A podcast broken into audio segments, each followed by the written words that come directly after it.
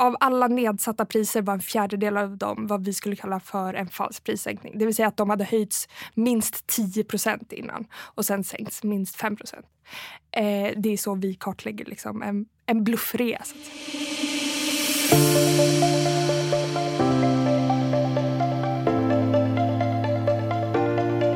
Hej och välkommen till Detaljhandelspodden avsnitt nummer 52. Och vi som pratar är som vanligt Jonas Arnberg. Och Magnus Olsson. Vi befinner oss i ett läge som ju är väldigt svårt att eh, förutse. Vad, vad händer? Hur går det nu? Hur, vad kommer hända sen? Och vem vill man mer än någonsin ha i, som gäst då än en konsument och teknikexpert? Eh, varmt välkommen hit Evelina Galli på Pricerunner. Tack, vad kul att vara här. Jo, vi kommer prata om priskänslighet, Singles Day, vi kommer prata om den nya konsumentköpslagen, vi kommer prata Black Friday-strategier och mycket mer. Men först en hälsning från vår kära sponsor i boxen. Hur många boxar finns det nu?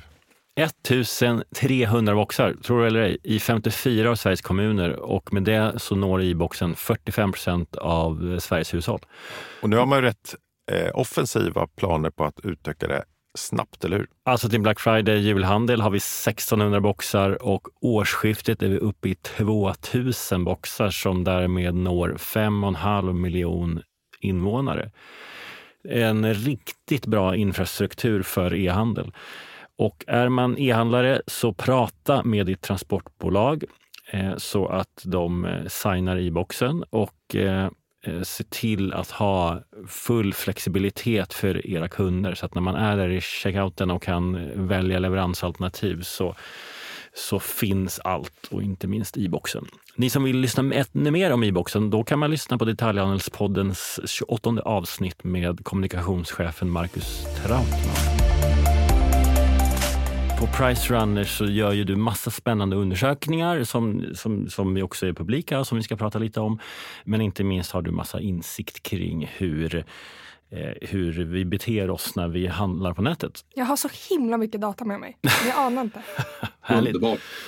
Och det känns ju, pris känns ju också så himla härligt att prata om just nu. Det känns att man har en prisfokuserad kund. Men, men kan du bara säga, jag tror att alla vet vad Price Runner är, men kan du ändå bara, vad är Price Runner och, och vem är du och vad gör en konsument och teknikexpert? Stora frågor. Eh, Price Runner är ju då en pris och produktjämförelsetjänst. Eh, comparison shopping service som man säger på engelska. Där man kan jämföra produkter och se vart de går att köpa billigast och bäst förhoppningsvis också.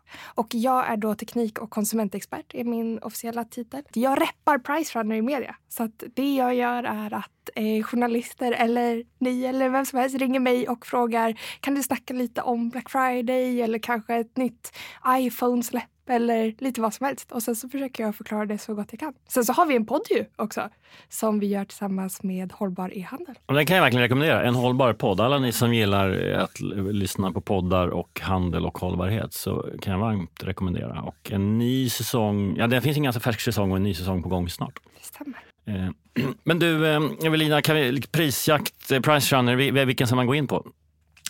Du, du, ställer ju frågan till någon som är partisk. Alltså jag brukar ändå säga så här, testa båda och se vilken man tycker är bäst. Jag tror många har, jag tror de som använder den ena tjänsten kanske inte har använt den andra tjänsten på lång tid och det kan ju ha skett förändringar eh, kanske framförallt på Pricerunner de senaste bara året. Det inte vara så att man blandar ihop de här två också? Det är mer sällan skulle jag säga, men det finns absolut de som eh, ibland tror att vi är samma. Ja, men om man blir väl ganska lojal till en om man till exempel har någon pris, prisbevakning eller om man så, då liksom hänger man där och har notiser från den. Ja, det stämmer. Det är, båda tjänsterna har ju möjligheten att man kan liksom sätta en bevakning på en produkt man vill ha om det går ner till ett visst pris. Men jag tycker man ska använda Pricerunner för att jag vet, jag känner ju de som ligger bakom tjänsten. Jag vet hur hårt vi jobbar liksom hela tiden med att göra den bättre för användarna. Finns det mer data på Pricerunner eller på Prisjakt? Finns det någon sån skillnad? Liksom? Vi benchar ju oss hela tiden såklart mot Prisjakt så att vi ser till att vi har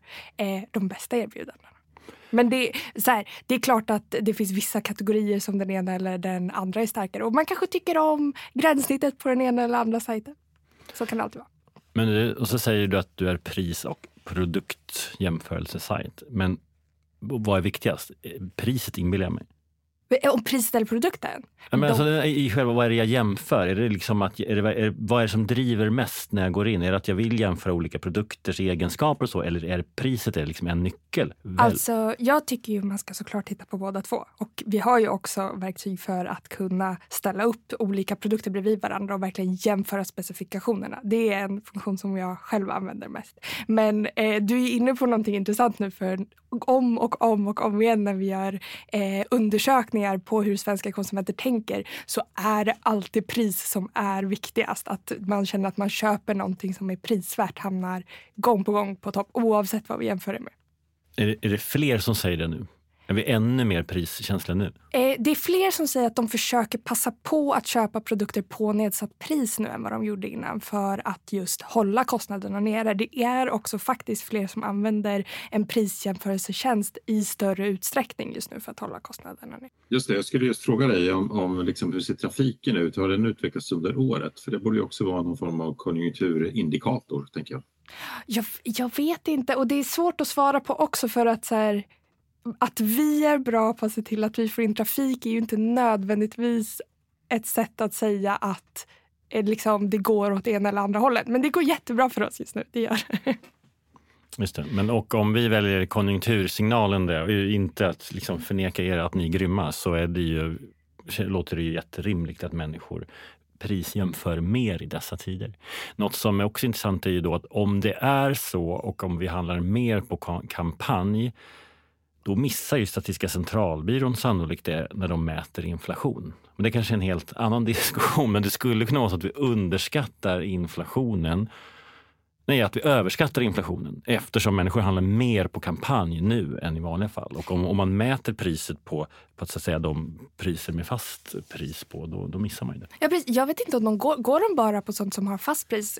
Utgår de inte efter sånt som... Nej, de tittar på kampanj också, men om, om vi trendar mot att det blir ja. mer kampanjer, men då hinner ju inte SCBs gäng med om det. Nej, det är sant. Men om du skulle göra en, precis, en inflationsmätning, skulle du kunna göra det? Ja, det är ju tveksamt. Alltså, jag har ju bara sånt man kan köpa på nätet. Ja, men, men, men, men, på elektronikvaror skulle du kunna göra en perfekt inflationsmätning. Jag kan absolut se hur eh, den elektroniken vi har, hur det har gått upp eller ner i pris. Det kan jag ta fram till dig. Vill, vill du, Evelina, eh, en, en spin-off på min förra fråga. Då. Ah. Ser ni hur, hur vissa kategorier har ökat eh, i år jämfört med förra året? Självklart. Det är bara att säga så kan jag ta fram det direkt till dig. Ja, men gör det. Ja, men ta, ta hemelektronik till exempel. Uh, hur, hur viktigt har... Det här är ju underbart. Det här, nu snackar vi data. Nu förstår jag vad du menar med att du ta med en massa data. Ju... Så på average, nu, nu, tog jag allting inom liksom som har med elektronik, alltså det är så mycket, det är gaming, det är allt möjligt här. Så tittar jag på hur eh, mycket de här eh, olika kategorierna har gått upp och ner i pris. Och det är otroligt stor skillnad mellan dem ska vi säga. Men om vi kollar liksom average över dem så är det 19 procent har de gått upp sen förra året. Eh, och då är det alltså oktober mot oktober jag har kollat här i pris. Oj. Otroligt. Det är, det är ju drivet av eh, att det har funnits en stor brist eh, med, och även strul med, med liksom halvledare. Så hemelektronik inbillar jag mig hade en väldigt stark märkad, åtminstone fram till sommaren. Absolut. Den här eh, halvledarkrisen som vi har sett där alltså, eh, nu kanske era lyssnare redan är superinsatta i det här för att ni har pratat om det, men den här komponentbristen som har rått har ju slagit svinhårt mot just tekniksegmentet. Eh, så att eh, det, du har helt rätt i det. Också till, liksom, det är ju tillverkat det mesta i Kina och Taiwan så att det här ökade containerpriserna och fraktproblemen som vi har sett har ju också påverkat jättemycket. Men nu, vad har det gett konsumentbeteendet? För förut har ju elektronikvaror varit någonting som sjunker i pris hela tiden. Och det har nästan varit så här, jag väntar lite med att köpa det här för bara om några veckor kommer det vara ännu billigare. Och nu är det egentligen då tvärtom. En jätteviktig aspekt som vi inte har tagit upp här det är ju också den svenska kronan, vår valuta. Om vi såg till exempel iPhone-släppet nu, när eh, Apple släppte sin senaste iPhone 14 så brukar vi alltid säga att så här, vänta med att köpa en iPhone tills den senaste släpps. För då kan du köpa den gamla till liksom mycket bättre pris. Och som vi vet de senaste åren har inte varit jättestor skillnad mellan de två senaste iPhone-modellerna. Liksom. Eh, det var tvärtom i år. Det är första gången vi ser det. Så Apple gick alltså in och höjde priset utan att säga någonting på sina gamla iPhones. Alltså fjol, eh, fjolårets modell. Så att, eh, och det var just för att eh, vad vi kunde se så det, den absolut största skillnaden mot tidigare år var just att eh, den svenska kronan är så låg mot dollarn. Det är intressant. Där, där hör ni handlare där ute inför er Black Friday-kampanj. Sänk inte priset utan ha kvar priset och säg att ni, vår Black Friday-kampanj är att vi inte höjer priset. Ja, fast eh, vi kommer ju på dem. Ja. vi eh, har ör, vad heter det, hökögon, örnögon på dem. Men du, okej, va- varför tittar ni bara på elektronik? Då? Är, är man inte intresserad av att jämföra priset på kläder och så? Eller det... Ja, men det har vi också. Vill du att jag tar fram det också? Nej, nej, men, nej, nej, men, okej. nej, men frågan är mer så här, men Ann, du säger att vilka kategorier är det ni inte tittar på? De det är ju sånt som man inte kan köpa på nätet. Eh, så att eh, vi kollar till exempel inte på liksom färskvaror. Eh, den typen av saker. Men det måste ju vara färre och färre saker som man inte kan köpa på nätet. Det stämmer. Det blir mer och mer online. Och man kan ju faktiskt tekniskt sett eh, köpa hem eh, saker från eh, ja, färskvaror också. Men, men kommer ni vara liksom en fullskalig prisjämförelsesajt för livsmedel också tror du om du tittar så här tio år framåt? Det vore ju ballt. Jag skulle vilja att vi liksom kunde jämföra allting. Det vet jag att eh, det finns flera på Pricerunner som önskar att vi kunde jämföra allting. Det är bara att redan nu så är mina stackars utvecklare håller på och liksom kämpar på redan med alla nya funktioner vi vill lägga till. Men du, och en annan grej att jämföra utöver pris och produkt, så det är ju liksom hur hållbar en produkt är. Hur- Är det någon som gör det? Eh, jättebra fråga. Vi har ju introducerat och vi fortsätter att försöka introducera hållbarhetsfilter på vår sajt som eh, ja, olika material kanske som man vill ha, hur det har producerats, om det har skapats på ett hållbart sätt och så vidare. Eh, än så länge så har vi- vi väl inte sett att det är supermånga som använder just den typen av filter. Men det är ju såklart någonting man vill inspirera till. Och det första är ju bara att det ska finnas tillgängligt. I, I kampen mellan pris och hållbarhet så är ju pris fortfarande... Sorry, jag menar inte Nej, att men det det- inte finns en hållbarhetstrend, den är enorm. Men det finns en pristrend också och den är ännu mer enorm. Det stämmer. Och den pristrenden den liksom, den slår inte bara hållbarhet, det slår liksom att det är smidigt, att det är snabb leverans, liksom allt sånt. O- Oavsett vad vi lägger till för aspekter så är det alltid pris som är det viktigaste. Eh, Och, och när du säger alltid pris viktigast, betyder det att det är på de produkterna och liksom branscher och kategorier som ni listar? Eller har ni sett det liksom att det är generellt så? Därför att ni, eh, man, kan inte, man kan inte kolla allt hos er, eller hur? Nej, precis. Utan nu snackar jag generellt. Så att vi gör ju kontinuerligt undersökningar med YouGov där vi eh, frågar svenska konsumenter vad de... De får helt enkelt ranka vad de tycker är viktigast. Och då är det just priset och prisvärdighet hela tiden det som är viktigast. Men om jag tittar, om jag gör en sökning hos er, vi Ja. kan hålla oss kvar i hemelektronik då. Eh, och, och hur viktigt är det liksom att vara etta kontra att vara två eller trea? Det är en sak att man är med i matchen, Mm. men sen inbillar jag mig att, att, att liksom vem det är som säljer är också viktigt. Ja, men så måste det vara. Så om den billigaste är en konstig aktör från utlandet eh, medan en, eh, ett känt svenskt varumärke är, är som nummer två, och, men lite dyrare. Då. Mm. Det känns som den ändå får en stor del av affären. Då. Alltså jag har faktiskt, nu när vi pratar om det så kommer jag på att jag har ju faktiskt lite data på det här. För att, eh, vi frågade nu i vår senaste undersökning som vi skickade ut bara för några veckor sedan. Eh, så här, hur lojal är du mot de butikerna du handlar på på nätet? Så här, har du en butik du går på eller brukar du variera? Och då svarar 23 procent svarar att jag brukar använda en eller två specifika webbutiker. Men 47 procent som är den överlägset liksom största delen, de säger att jag har några webbbutiker som jag föredrar att använda mer än andra. Och sen är det en fjärdedel som säger att de har ingen favoritbutik. Resten, alltså, så att tre fjärdedelar har liksom vissa eh, e-handlare som de föredrar framför andra. Intressant. Ja, och där är också, man kan ju ta upp liksom exemplet med Amazon också som ju lanserades på riktigt, eller vad vi ska säga, i Sverige eh, förra året. Det var många som trodde att de skulle totalt dominera och ta över e-handeln i, i Sverige när de kom hit. På så sätt som de, eh, den positionen de har i eh, England men också i USA och Tyskland. Men det hände ju inte riktigt kan vi konstatera så här ett år efteråt. Vi tycker ju om de e-handlarna vi redan hade i Sverige. Och det har vi också sett om man kollar liksom på andra marknader där Amazon inte var de som liksom byggde upp e-handeln och kom in i från början utan de har kommit in lite senare. Därför tar de inte samma dominanta ställning heller. Och, och sanningen är att de har varit här två år. Så, Ja, precis. Men, men de, i deras perspektiv är de ju fortfarande på dag ett. Så vi ska räkna ut dem än. Men du, som, du täcker ju också Storbritannien. Vilket är otroligt. Och, det, och där är ju Amazon större. Vad, vad, ser du någon skillnad där i er liksom prisjämför, vad heter prisjämförelsesajten där? Det är Price Runner. Vad heter det Så också? Himla eh, praktiskt på det sättet. Bra. Men är den eh, liksom relativt sökningar på Amazon där? För här inbillar jag mig att ni är väldigt mycket större än Amazon. Men hur är det där? Nej, men det, det är helt rätt att... Eh, sen ska vi säga att här, Amazon är ju en återförsäljare och det är ju inte vi. Så att vi listar ju också Amazons produkter på Price Runner. Men eh, det är helt riktigt att vi har ett annat Både i Danmark och Sverige, som är ju våra liksom, två marknader där vi är väldigt stora inom, där finns det ett annat köpbeteende av att prisjämföra som inte finns i England på samma sätt. Eller hela Storbritannien ska jag säga.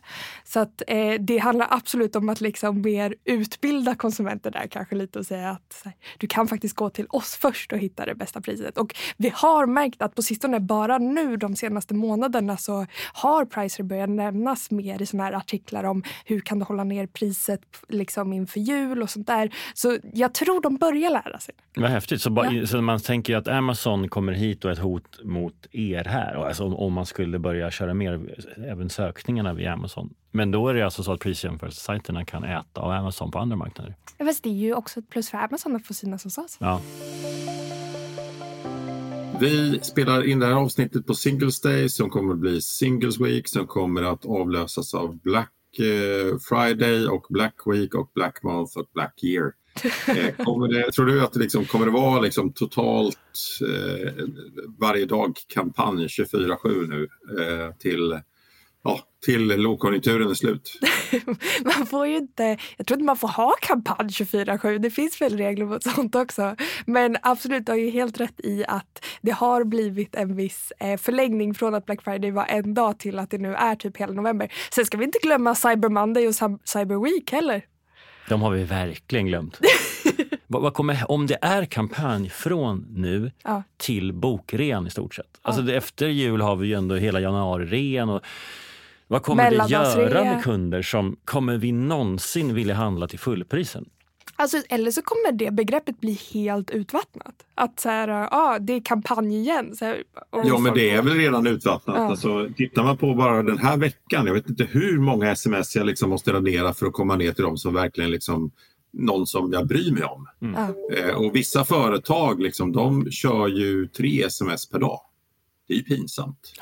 Men, men Evelina, kan vi konstatera att detta ändå är eh, Singles Days break liksom, i Sverige? Precis som Black Friday breakade för vad kan det vara, tio år sedan. Så har det, det har bubblat några år, men nu känns det både som att det är fler som är på och att vi har liksom också har börjat med det här Singles Week och så. Och såklart drivet av att vi har, sitter på stora lager och så. Men, men, men delar du att det är fler som är med nu än tidigare? Vilken intressant spaning att det skulle breaka i år. Eh, så här, jag har ju varit medveten om den här reahögtiden ganska länge just för att jag jobbar med det. Så jag är ju också lite liksom, eh, partisk på det sättet. Så det är svårt att se det utifrån. Sett. Däremot kan jag säga att mina siffror visar ju att det är färre produkter på rea i år än vad det var förra året. till exempel. Så du menar att Singles Day i år är sva, liksom, eh, sämre utbud för konsumenten än förra året? Det beror på, eh, samtidigt så är prissänkningarna ganska stora fortfarande. Så att det är inte nödvändigtvis, det kan ju vara kvalitet över kvantitet faktiskt. Ja, men det var ju bra. Ja. Då fick vi, det var ju helt fel spaning av mig. Men skulle du, om du säger så här då, har Singles Day breakat i Sverige? Jättesvår fråga. Jag tror det beror helt på vilka segment vi pratar om. Jag tror också att om man är kanske lite intresserad av teknik och elektronik då tror jag kanske man har hört talas om, om Singles Day mer än om man är intresserad av andra segment. Skulle jag gissa. En effekt av, eller en anledning till att vi får med viss säkerhet en, en aggressiv kampanjhöst är ju också det här med överlager hos e-handlarna. Eh, och jag vet, ni har gjort en undersökning om det också, eller hur Evelina? Det stämmer. Så att vi gör, eh, varje kvartal så har vi en undersökning som heter e-handlarindex där vi helt enkelt frågar Sveriges e-handlare dels bara hur de allmänt liksom, eh, mår så får vi få fram ett index men sen så svarar de också på några aktuella frågor och då var det just hur ser det ut i lagren var en av våra frågor. Eh, det här var en fråga vi hade också förra året där det var så många e-handlare som var drabbade av komponentbrist och fraktkrisen. Och förra året såg vi att det var väldigt många som eh, blev drabbade och som också till och med fick korrigera sin Black Friday-kampanj på grund av att de inte hade tillräckligt mycket produkter i lager för att möta efterfrågan helt enkelt. Och i år så ser vi inte det. Det var bara 6% av e-handlarna som svarade att de hade svårt att möta efterfrågan just nu. Utan tvärtom är det många som har ovanligt mycket i lager. Så du har helt rätt att det är många, inte bara vi på Priceline utan många andra som har gjort spaningen att det kanske är en ovanligt bra Black Friday för den som har lite ögonen med sig. Jag pratade med ett antal insatta personer igår eh, som inte är e-handlare men som är vanliga, vanliga retailers och de bekräftade det Eh, både som en konsekvens av att logistiken har hunnit ikapp eh, men också en lägre försäljning och inte minst en varm eh, höst som ju påverkar till exempel de som förväntar sig att sälja ytterkläder. Och de ligger på typ 50% högre lager än eh, förra året. Den är ju faktiskt jätteintressant att det kan vara liksom eh, vädret kan ha påverkan också. Ja absolut, ja, väder kan man alltid skylla på som handlar också. Det är alltid fel väder. Men det är väl också en viktig parameter till att handeln har gillat Black Friday att man tidigare lägger julförsäljningen och till exempel eh, elektronikhandeln kan då, som liksom förut slogs med eh, under julhandeln när, när det fanns snö och människor köpte skidor istället, så, så lyckas man nu sälja grejer redan nu när, innan snön har kommit. Jag håller inte med om att handeln gillat Black Friday. E-handeln har gjort det hela tiden, men jag tycker att de senaste två åren innan det här så har eh, kedjorna nästan liksom, det har varit en, en sämre erbjudanden, man har sett på eh, Black Friday på ett annat sätt och även faktiskt tagit in hållbarhetsaspekten lite grann i det här. Eh, vilket jag tycker är spännande. Men i år har man inget val. Men jag delar också att det handlar väl också om att Black Friday har blivit mer sofistikerat från att alla bara var med till att man nu inser att vi kan inte bara hålla på att rea ut allting utan vi måste ha en, en smartare affär med vad vi vill uppnå med vår kampanj. Ser du någon sån skillnad i Black Friday-kampanjandet över åren? Black Friday har ju alltid varit ett fantastiskt tillfälle för butikerna att rensa lagren inför liksom nästa period. Så det är därför vi också alltid säger det att de produkterna som du kan hitta på absolut bäst pris på Black Friday, det är ju inte senaste generationens produkt utan det är ju framförallt fjolårets produkter som man försöker rea ut. Liksom. Ja, och man kanske säljer någonting på Black Friday till ett högre pris än vad man annars hade fått eh, rea ut på mellandagsrean. Och det finns ju massa olika varianter av eh, strategi eller logik i, i den här kampanjen. Mm.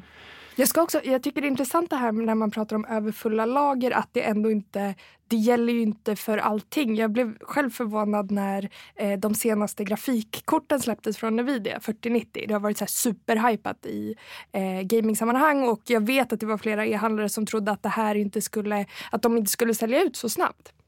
Just för att man har fått gå igång efter liksom många år av halvledarbrist och så vidare. Och, eh, så hade man äntligen i lager och också med inflation att folk kanske inte har lika mycket pengar att röra sig vid att de kan köpa liksom, grafikkort för över 20 papp. Liksom. Eh, de tog slut på en minut, de grafikkorten. Det är otroligt. Ja, så det skiljer sig verkligen så, från segment till segment. Men du, vad ser du mer för så här konjunktursignaler? Du var inne på att eh, det, man, vi tror att det är fler som prisjämför nu. Eh, lagren är överfulla. Ser du någon så att vi tradar ner till billigare alternativ? Ser du några mönster? Nej, men det är det som jag är lite förvånad över att jag inte ser mer sådana mönster. I alla fall inte på vårt sortiment. Utan som sagt eh, exklusiva grafikkort, de senaste generationens exklusiva spelkonsoler. Allt sånt är fortfarande superpopulärt. Bland de populäraste produkterna vi har nu är liksom dyra skor eh, från märken. Så att, eh, jag ser inte att eh, vi konsumenter slutar köpa exklusiva produkter. Däremot att vi kanske försöker norpa dem när de är på bättre pris. Snart kommer vi då lämna Singles Day och gå över i Black Friday som ju då börjar i slutet av november. Vad är, vad är de stora takesen för Black Friday i år, tror du? Eh, som vi har pratat om redan innan så kommer ju världsläget såklart påverka Black Friday nu. Många säger att det kommer bli en riktigt bra Black Friday som vi pratade om innan med ganska mycket produkter i lager. Man kanske faktiskt äntligen kan få den där produkten man har kikat på till ett bra pris. Eh, jag vet att det är många som tycker att ja, den där produkten som jag vill ha den hamnar ju aldrig på rea. Liksom. Det här kanske är året som man får någonting på det. Eh, handeln såklart eh, vet ju inte riktigt vad vi har att förvänta oss men jag tycker den känns eh, oväntat optimistisk ändå. Eh, det är över en tredjedel av e-handlarna vi frågade trodde på tillväxt under Black Friday jämfört med förra året. Och då ska vi komma ihåg att förra året så rådde det ganska strikta eh, restriktioner till följd av pandemin i Sverige. Och e-handeln som vi vet den gynnas ju av den här typen av restriktioner och det har vi inte i år. Så det kan ju också såklart påverka. Det, det måste också tyda på att de tar i från tårna i sin erbjudande, att de är så trygga med, liksom, med den situationen. För de vet ju också att konsumenten har mindre i plånboken. Absolut. Sälja av lagret, säkra likviditet och vara beredd att överleva det i det som konsumenten går in i någon gång i kvartal ett. Liksom. Mm. Och det finns ju också absolut att man kan ta upp nu att det är viktigare än någonsin då som konsument att verkligen göra sin research. Att se till att det man köper är det man vill ha och att det är liksom ett riktigt erbjudande och inte något annat. Eh, så någonting som ju faktiskt är nytt för i år det är det nya, det nya moderniserade konsumentskyddet som det heter. Så från och med 1 september i år så måste återförsäljarna vara mer transparenta med sina prissänkningar. Så bland annat så måste man visa det lägsta priset inom 30 dagar på en vara. Så att någonting som vi på Pricerunner till exempel kartlägger nu eh, inför de stora shoppinghögtiderna det är hur många återförsäljare som först höjer priset på en vara för att sen sänka det i samband med kampanjerna för att få det att se ut som en större prissänkning. Och det måste man då ha gjort 31 dagar innan? Så det exakt, det måste man då ha gjort 31 dagar innan. Och är det någon som har gjort det? Inte vad vi vet än i alla fall. Eh, det är ju superspännande eh, att kunna liksom titta någonstans mellan 31 och 40 dagar där innan. Så det, det, det är ju bara, det är ju bara fusk. Exakt. Men förlåt, bara, är ni alltid på konsumentens sida? Vi är alltid på konsumentens Men du tjänar pengar på att företagen finns på din sajt? Ja, det gör Du skulle kunna göra dina kunder arga genom att vara snälla mot konsumenten. ah, du tänkte så. Jag tänker att man som företag också vinner på att synas på en sajt som är transparent. Tänker jag. Att man som konsument kan liksom känna sig trygg av att handla via Pricerunner. Ja, men den undersökningen vill vi ju väldigt gärna se. Och det har ju, det är nytt, det har ju styrts upp för att förra året, det är fler som blev stämda då. Vad hände då egentligen? Då, då, så, då såg man tydligt att man precis innan Black Friday Eh, höjde priset för att kunna sänka det. Precis, vi har sett de senaste två åren att en fjärdedel av alla erbjudanden, vi kartlägger liksom de runt 40 000 eh, erbjudanden håller vi koll på av de populäraste produkterna.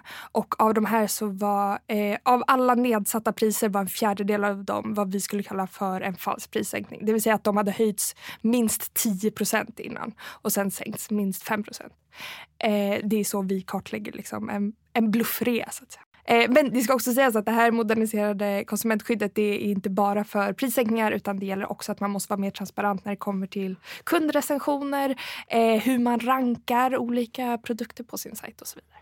Men det låter som en Black Friday i verkligen i konsumentens eh, favör, då, både i att dealarna blir bättre och det du kring lagstiftningen nu, att man kan vara säker på att det faktiskt är en deal. Jag. Vad, Magnus, du är ändå vd på ett retailbolag. Vad, vad finns det för...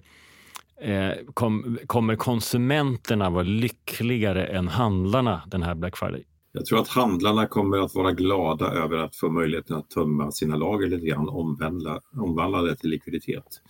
Jag tror inte nödvändigtvis att, att bara för att man säljer mycket så är man liksom, tjänar man väldigt mycket pengar utan här tror jag att det pengar som liksom, inköpspriser som byts mot, mot eh, att man får pengar på kontot eh, i väldigt stor utsträckning. Eh, så att eh, jag, jag, tror nog att, att det, det är som du säger, att det, det är konsumenterna som är de stora vinnarna här. Kan man redan handla på Black Friday? Man kan handla på Singles Day idag. Ja, men, menar, ja, men det vet jag. Ja. Men, har- men kan, när, när, kan du, när kan du göra din första Black Friday-deal? Alltså när, när det har Ah. blivit Black Month menar jag. Och när, när, vilken, vilken dag tror du att du kan göra den första Black Friday-dealen? Jag tror att från och med nästa vecka, det vill säga veckan innan Black Week, Mm. då börjar de första, har har det varit i alla fall de senaste, när de kallar det liksom för Black, eh, Black Friday deals. Och framför allt den helgen innan Black Friday eh, brukar man ju se ganska många haka på tåget. Liksom. Det känns också rimligt att sprida ut det. Varför sälja liksom en månads försäljning på ett dygn och sen blir det punka på logistik och liksom bemanning. Allt blir, det känns väldigt mycket rimligare att sprida ut det på fler dagar. Det måste ju vara bättre. Ehm, så att man inte hamnar i en sån där kö som hände hos en stor e-handlare för några år sedan. Där man inte kommer fram och får tag i sina bilar.